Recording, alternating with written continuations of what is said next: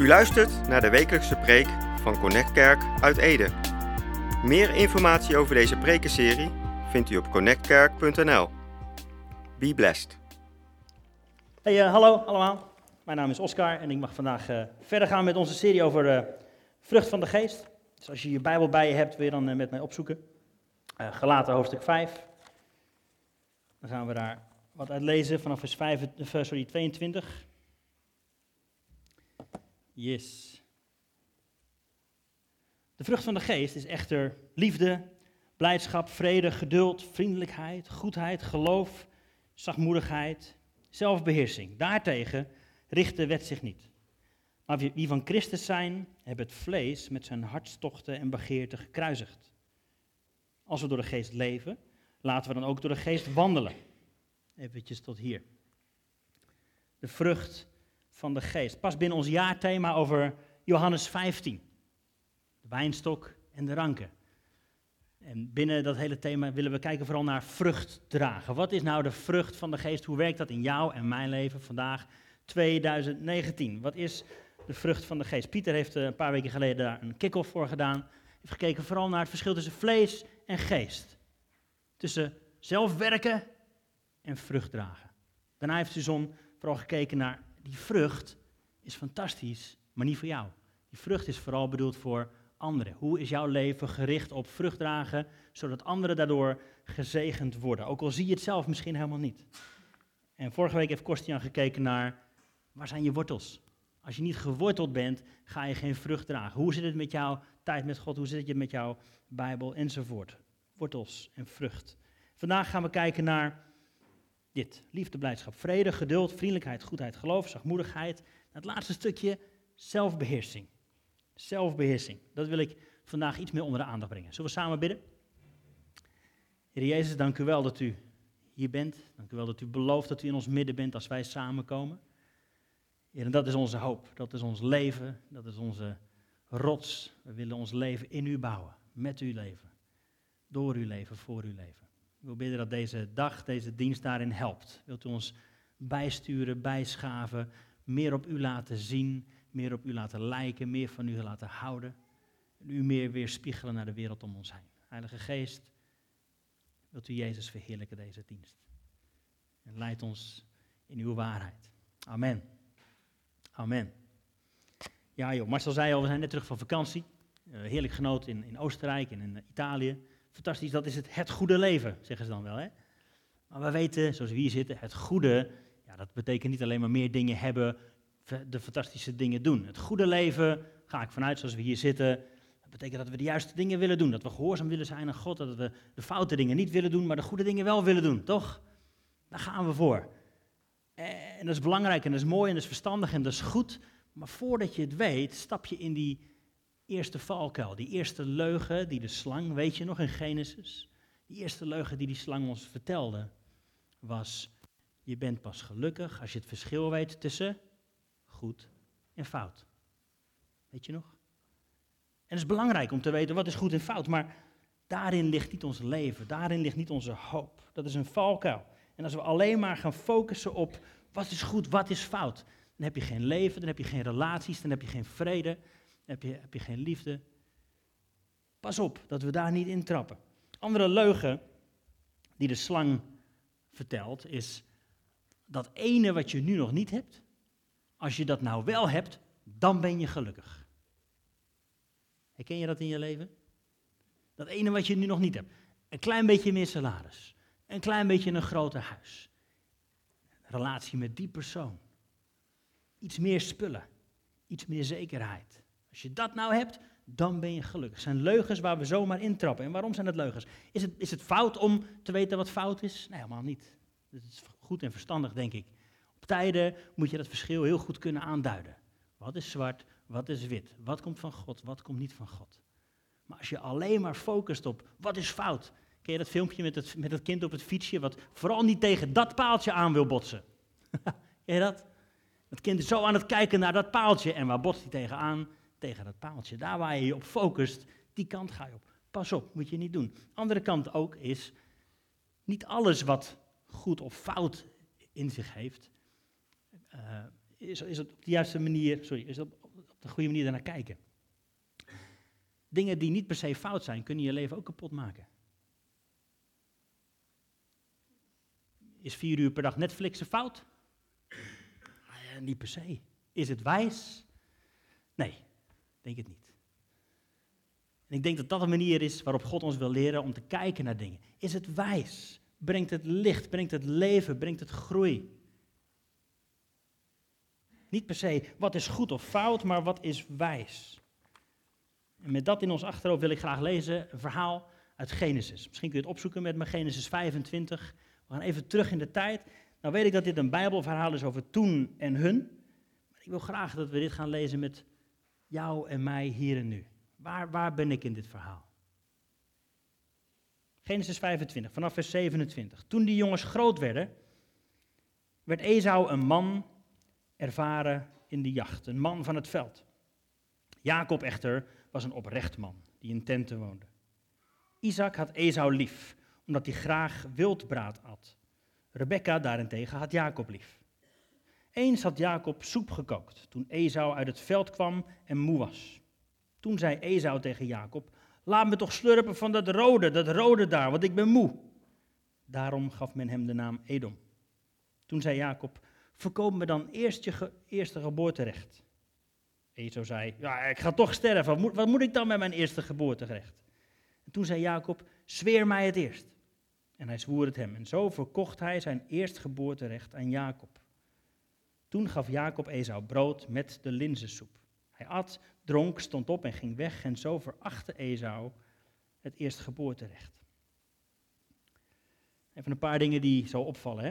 Ik ga niet overal even diep op in, maar Jacob en Esau waren de zoons van Isaac. Isaac was de zoon van Abraham. Oftewel, dit is een paar duizend jaar geleden. Het gaat over onze aartsvaders, de geloofshelden. En we krijgen een kijkje in dit gezin. Esau en Jacob was een tweeling. Esau werd eerst geboren, was helemaal behaard en daarom noemde hem men Esau. Hij was rood, behaard, dat betekent die naam. Jacob had de hiel van zijn broer vast toen hij geboren werd en daarom noemden ze hem Jacob, hielenvasthouder, oftewel in de volksmond bedrieger. Dat zijn hun namen, dat is een beetje hun achtergrond, ze groeien op in dat gezin. Wat, hier, wat mij opvalt is, aan de ene kant betekent dus die naam van Jacob bedrieger. Aan de andere kant staat er, Jacob was een oprecht man die in tenten woonde. Dus aan de ene kant bedrieger, aan de andere kant, hij is oprecht, volkomen, zonder bepaalde gebreken, evenwichtig, vredelievend. Dat is wat oprecht betekent. Nou, dat valt op. Ander dingetje wat opvalt is, het is een raar gezin, toch? Dysfunctioneel gezin, zouden we zeggen. Zijn vader hield van de een, moeder hield van de ander. Isaac hield van Esau, want die zorgde voor goed vlees. Dus dat is mijn favoriete zoon. Ik hou van hem. En moeder houdt van moederskindje Jacob. Dysfunctioneel gezin. Dat is goed nieuws voor jou en mij. Want op bepaalde vlakken komen we allemaal uit dysfunctionele gezinnen. Ik in ieder geval wel. En iedereen heeft wel wat thuis. Elk huisje heeft zijn kruisje. Maar God kan daar dus gewoon doorheen werken. Het is niet het laatste woord. Wat je achtergrond het is, dit is niet het laatste woord. God gaat door, dwars door gebrokenheid heen. En dan, waar het een beetje meer om gaat vanochtend, Esau heeft gejaagd, is moe, komt binnen, ruikt eten. Hij denkt, ik ga bijna dood. En dan zegt hij, dat rode, dat rode daar. Zo vertalen ze het hier ook. In het Hebreeuws staat daar, ha-adam, ha-adam. Je ziet een beetje in een soort van rots caveman binnenkomen, ha-adam, ha-adam. Dat rode daar. Zo zegt hij dat. Ik wil dat rode daar. Daarom staat er ook, daarom noemen ze hem Edom. Edom betekent rood. Rooie. Daar is het allemaal begonnen met scheldnamen voor mensen met rood haar, denk ik. Kan ik niets aan doen. Ik wou dat ik rood haar had. Heb ik niet. Ha-Adam, ha-Adam. Hij wil dat rode spul. Hij gaat bijna dood. Esau was de eerstgeborene. Dat betekent in die tijd dat je het eerstgeboorterecht hebt kennen we het nu niet meer zo. Nu kennen we een erfenis, dat wordt allemaal gelijk verdeeld. Maar toen de tijd, zeg, stel je had zes zonen, dan wordt het door vijven gedeeld en de oudste krijgt twee porties. De erfenis wordt in vijven gedeeld, de oudste krijgt twee porties. Het dubbele deel is voor de oudste. Dat is het eerste geboorterecht. En het was niet zomaar omdat dat dan, nou ja, je hebt een beetje meer, want je bent nou eenmaal de oudste, dat had een doel. De oudste kreeg namelijk de verantwoordelijkheid voor het hele zwikkie als pa er niet meer was. Het was niet zozeer een gunst als wel een plicht. Hé hey vriend, het is nu jouw taak om te zorgen voor je moeder, voor al je ongetrouwde zussies en voor alle vrouwen van je broers die overleden zijn. Stel je had twee broers die overleden waren en die hadden ook drie vrouwen, kreeg je dan in één keer zes vrouwen bij. Daar moest jij voor zorgen met dat kleine beetje extra deel wat je kreeg. Al je ongetrouwde zussen kwamen onder jouw verantwoordelijkheid. Dus het tweede deel was niet meer van, oh, ik wil een dubbel deel. Dat had je hartstikke hard nodig om goed te kunnen zorgen voor je gezin, voor jouw familie, dat wat jouw verantwoordelijkheid was.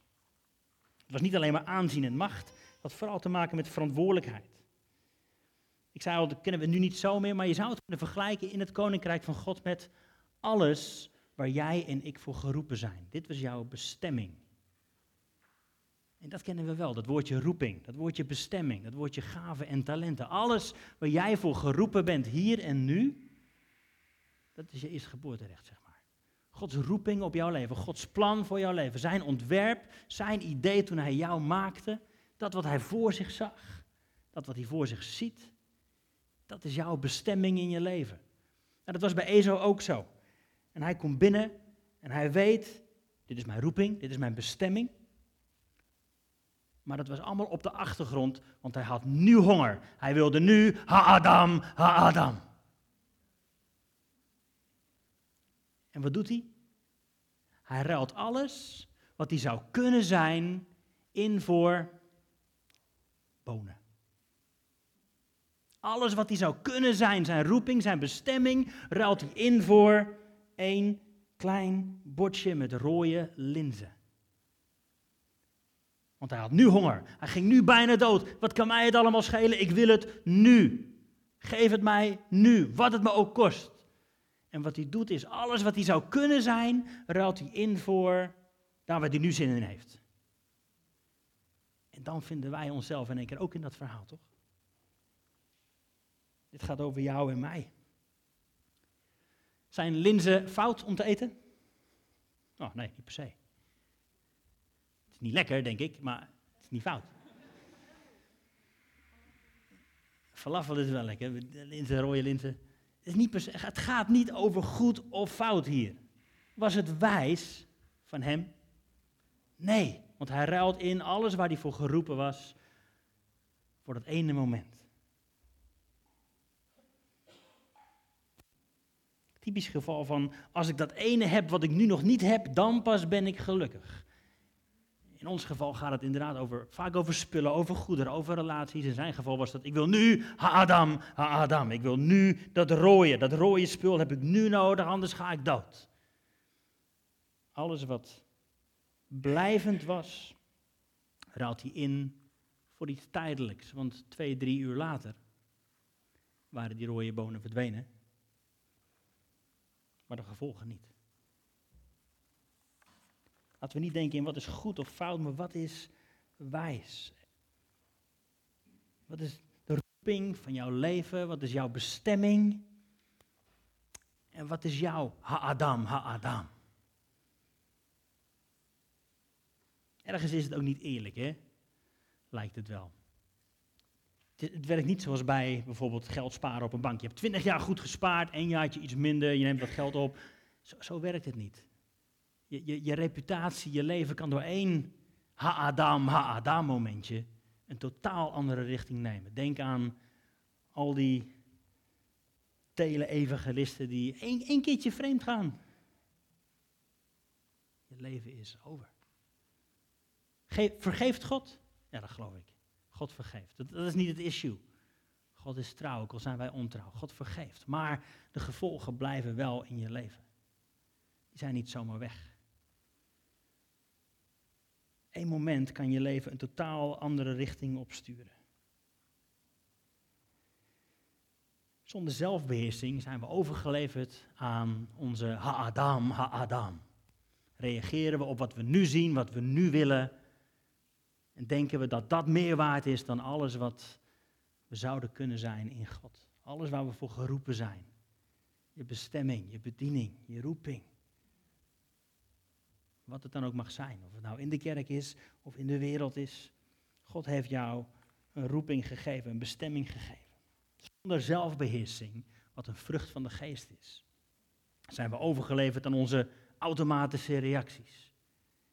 Reageren we op onze impulsen. Wat voelen we nu? Waar hebben we nu zin in? Wat is nu goed voor me? Wat wil ik nu? Heb ik honger? Dan ga ik eten. Heb ik een meningsverschil? Dan ga ik me gelijk halen, want ik heb gelijk. In de Bijbel zien we dat ook gebeurt dat we allemaal excuses hebben als het aankomt op onze roeping. Dat is ook een soort van vanuit je eigen impulsen nadenken. Bijvoorbeeld Mozes in Exodus 3. Mozes wordt geroepen door God.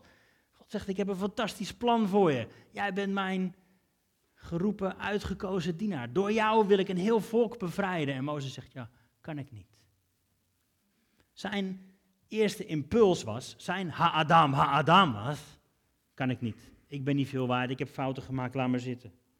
Hij reageert meteen vanuit wat hij nu voelt. En daarmee veronachtzaamt hij eigenlijk bijna zijn roeping. Gideon ook zo. God komt bij Gideon. Opnieuw, het volk was in problemen. En God zegt, ik wil jou gebruiken. En wat zegt Gideon?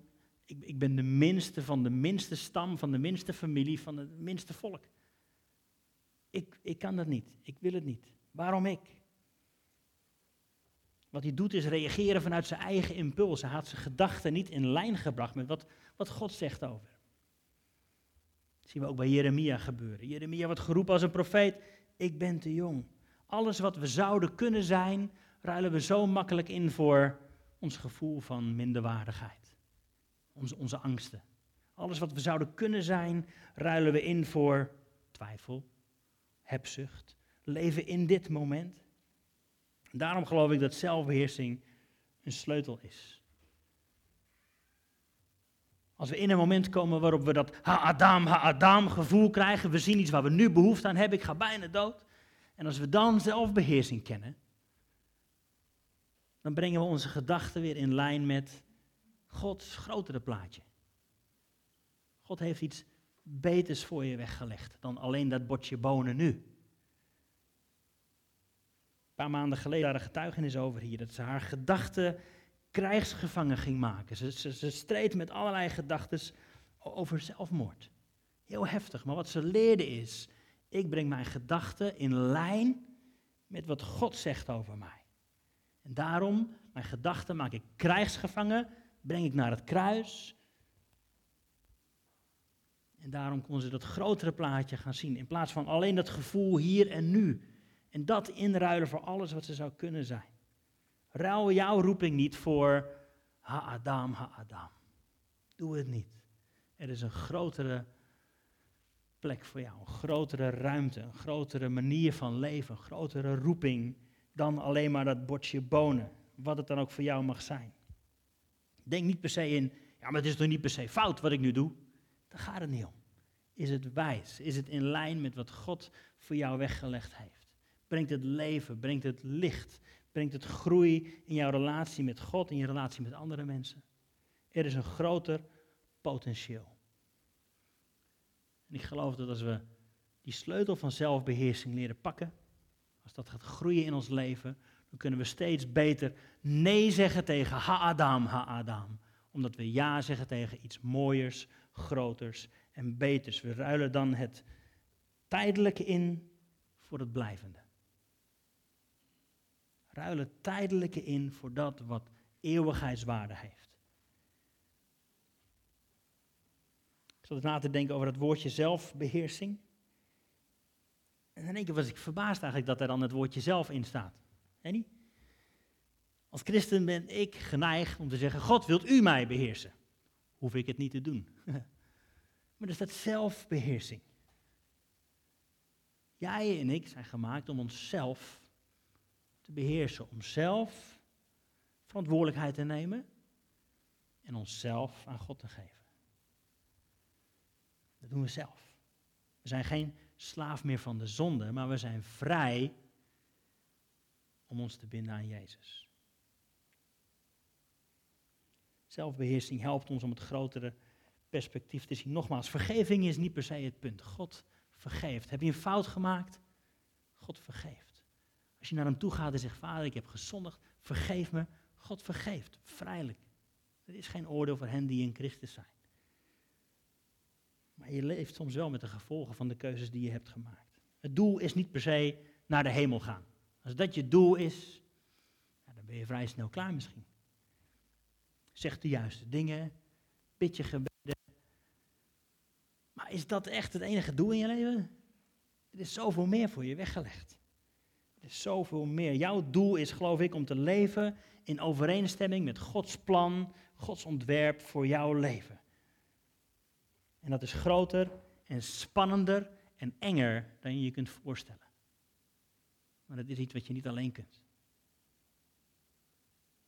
Zelfbeheersing. Jezus zei, als iemand achter me wil komen, moet hij zichzelf verloochenen. Zijn kruis dagelijks opnemen en mij volgen. Lucas 23. Wie zijn leven wil behouden, zal het verliezen, maar wie zijn leven verliezen zal omwille van mij, die zal het behouden. Wat baat het een mens om heel de wereld te winnen, in zichzelf te verliezen of zelfs schade te lijden? Voor mij betekent dat het kruis op je nemen, dat is zelfbeheersing. Je beheerst jezelf. En je neemt het kruis en je gaat naar Jezus. Je volgt Hem. Je volgt niet al je impulsen, want vanuit je impulsen, geloof me, ga je nooit je kruis op je nemen. Vanuit je impulsen wil je jezelf zoveel mogelijk rust, vrede, veiligheid, zekerheid, individualiteit misschien wel geven. Zelfbeheersing helpt je om het grotere plaatje te zien, om achter Jezus aan te gaan. Goed om ons te beseffen dat zelfbeheersing een vrucht is. Het is niet dat we hier weg moeten gaan en heel hard moeten werken om onszelf te beheersen. Dat is wat Pieter duidelijk maakt. Het is een vrucht. Als je je wortels in Jezus hebt, is dit iets wat als een vrucht naar boven komt. Waardoor je je niet laat afleiden door al die ha-adams, ha-adams, waar we elke dag mee bestookt worden. Ik werk ook een beetje in de marketing. En, wat je dan doet, is, is vaak mensen zeggen, joh, als je, dit hebt, dan ben je gelukkig. Als je het niet hebt, ja, dan mis je iets. Toch? Nog meer marketeers hier. Dat is wat je, wat je doet, hè? Fear of missing out. Als je dit niet hebt, dan. Jij en ik worden daar continu mee bestookt. Je moet wel op vakantie geweest zijn, natuurlijk. Je moet wel dat grotere huis hebben. Je moet wel de perfecte relatie hebben. Leugens waar je elke dag mee geconfronteerd wordt. Als je niet uitkijkt, ga je mee met de malle molen. En wil je reageren op elke impuls die je krijgt. Ja, die maaltijd, ja, die auto, ja, dat vriendje, dat vriendinnetje, die studie, meer geld. Op het podium, want ik heb een roeping. Ik wil, ik... Je gaat leven vanuit je impulsen. En je vergeet het grotere plaatje. Daarom, als we het toch hebben over vrucht dragen, vrucht van de geest, dan is het ook goed om je te laten snoeien. Van al die ha-adams, ha-adams. Van al die neigingen om nu te reageren. Ik geloof dat God die wil snoeien bij ons. Dat je er vrij van komt. Dat je niet meer beheerst wordt door elk gevoel, elke impuls. Dat je moet reageren hier en nu. Maar dat je vrij wordt daarvan. Dat je vrij wordt van al die ha-adams, ha-adams die elke dag op je pad komen. Wees geworteld en geplant in God. Besteed daar tijd aan. En de vrucht is zelfbeheersing. Onder andere. De vrucht is dat je het grotere plaatje blijft zien en niet hoeft te reageren op wat je nu ziet. Dat je niet hoeft. Dat er vrijheid is om te kiezen. Dat er vrijheid is om het grotere plaatje te zien. Dat er vrijheid is om je ogen op Jezus gericht te houden. Ik weet niet waar jij aan moet denken bij al die ha-adams, ha-adams. Wat er op jouw pad komt, waardoor je weet, ik word hierdoor afgeleid. En misschien heb je het zelf helemaal niet door. Dan geloof ik dat God opnieuw je ogen wil openen. Maar waar ben ik voor geroepen? Ik zat hiervoor te bidden en eens na te denken, vader, wilt u wat laten zien? Ja, ik moest hier aan denken. Ik geloof dat er mensen zijn hier die geroepen zijn om, om te bidden voor zieken en genezingen te zien gebeuren. Misschien weet je ergens in je hart, ja, dat is mijn roeping. Maar heb je je laten afleiden door ha-adam, ha-adam. En wat dat dan is, zijn het andere bezigheden? Is, is dat angst of schaamte? Ik geloof dat er mensen zijn die geroepen zijn om te bidden voor zieken en genezingen te zien gebeuren. Ik geloof dat hier mensen zijn die, die zullen spreken tot regeringen en leiders om een verschil te maken in deze wereld. Maar als je je laat afleiden door je twijfels en je angst, gaat het niet gebeuren. Werp ze van je af. Ik geloof dat hier mensen zijn die geroepen zijn om boeken te schrijven, die zowel de kerk als de wereld zullen bereiken en wakker zullen schudden. Misschien weet je dat van binnen. Dat is mijn roeping. Ik heb het wel eens geprobeerd, maar ik kreeg wat kritiek. Ik ben ermee gestopt. Ik was gevoelig voor dat stukje. Werp het van je af. Kom terug bij roeping. Ik geloof dat hier mensen zijn die geroepen zijn om muziek te componeren, die harten van mensen weer tot God zullen brengen. Niet per se in de kerk. Kan ook buiten de kerk zijn. Ik geloof dat de kerk daarvoor geroepen is. Ik geloof dat daar hier mensen voor geroepen zijn om muziek te maken die harten van mensen terug zullen brengen bij God. Ik geloof dat hier mensen zijn die geroepen zijn om kerken te planten die buurten en steden zullen zegenen en om zullen keren naar God. Misschien is dat jouw roeping waarbij je helemaal je visie kwijtgeraakt. Omdat je je hebt laten afleiden door het bordje bonen. Kom terug. Ik geloof dat die mensen zijn die geroepen zijn om bedrijven te starten en te leiden die passen in Gods plan. Zodat werknemers, klanten, leveranciers en de wereld daardoor gezegend wordt. Soms denken we dat een roeping is binnen de kerk. Is op een podium, is met een microfoon. Onzin. Onzin. Als je weet dat je geroepen bent om een bedrijf te leiden, op te richten, en ga het doen. Probeer niet hier met een ding in je hand te staan. Onzin. Word wie je geroepen bent om te zijn. Neem je plek in in de wereld. Wees als een licht, als zout. Wees tot zegen. En laat je alsjeblieft niet afleiden door die stomme bordjes bonen. Dat is onzin. Het leidt je af van het grotere plan, van alles wat je zou kunnen zijn wortel je opnieuw in God. Laat je vullen met de Heilige Geest. Zodat je de sleutel van zelfbeheersing in handen hebt waarmee je kunt zeggen, even wachten, ik voel dat ik word afgeleid. God, wat gebeurt hier? Ik hoef dat bordje bonen niet. Ik ben geroepen voor dat andere. Ik hoef niet te reageren nu op mijn impuls. Ik hoef niet vanuit onzekerheid, angst of mijn beschadigingen te reageren. Of vanuit mijn verslavingen te reageren. U heeft mij vrijgemaakt om te kiezen voor dat wat eeuwig is, voor dat wat blijvend is. Jaag op alles wat God voor je in petto heeft. Jaag het na. Laat je niet afleiden. Ga recht achter Hem aan. Laat ons onze oog richten op Jezus. Ons oog is zo makkelijk afgeleid. Maar laat ons ons oog richten op Jezus. Ik wil vragen of je wilt gaan staan, dan gaan we samen bidden.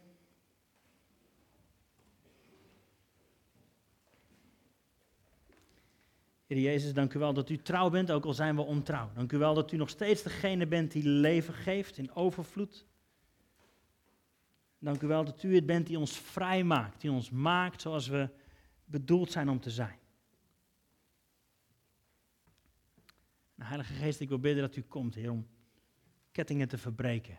Daar waar we vast zijn komen te zitten aan ha-adam, ha-adam. Daar waar, waar we zijn vast komen zitten aan onze neigingen, aan dat wat ons afleidt en breng ons terug naar uw plan.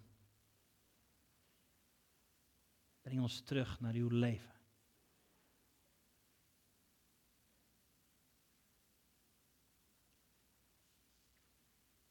Misschien in het lijstje wat ik net noemde, herkende je jezelf. Dat je weet, ja, maar ik ben, ik ben daarvoor geroepen.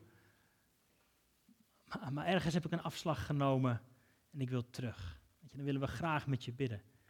Misschien is dit nieuw voor je, dat je denkt, wat betekent dat leven met God? Kom met ons praten, we willen graag voor je bidden. Zodat jij het leven kunt leiden dat God voor je ontworpen heeft, voor je bedacht heeft. dat je je niet hoeft laten af te leiden door dat wat, wat, wat tijdelijk is. Dat wat je afleidt van alles wat je kunt zijn. In God.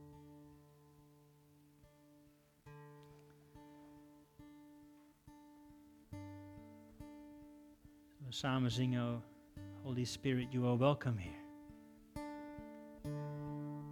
Om opnieuw ons heel bewust over te geven aan zijn leiding. Om ons terug te brengen bij de troon van de Vader. ons op elk moment dat we wandelen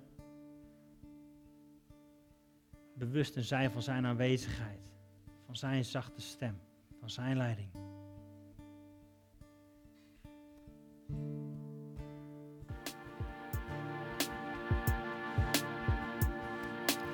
U luisterde naar de wekelijkse preek van Connect Kerk uit Ede. Meer informatie over deze gemeente en alle preken over dit thema vindt u op connectkerk.nl of bezoek onze Facebookpagina. Bedankt voor het luisteren en wees tot zegen.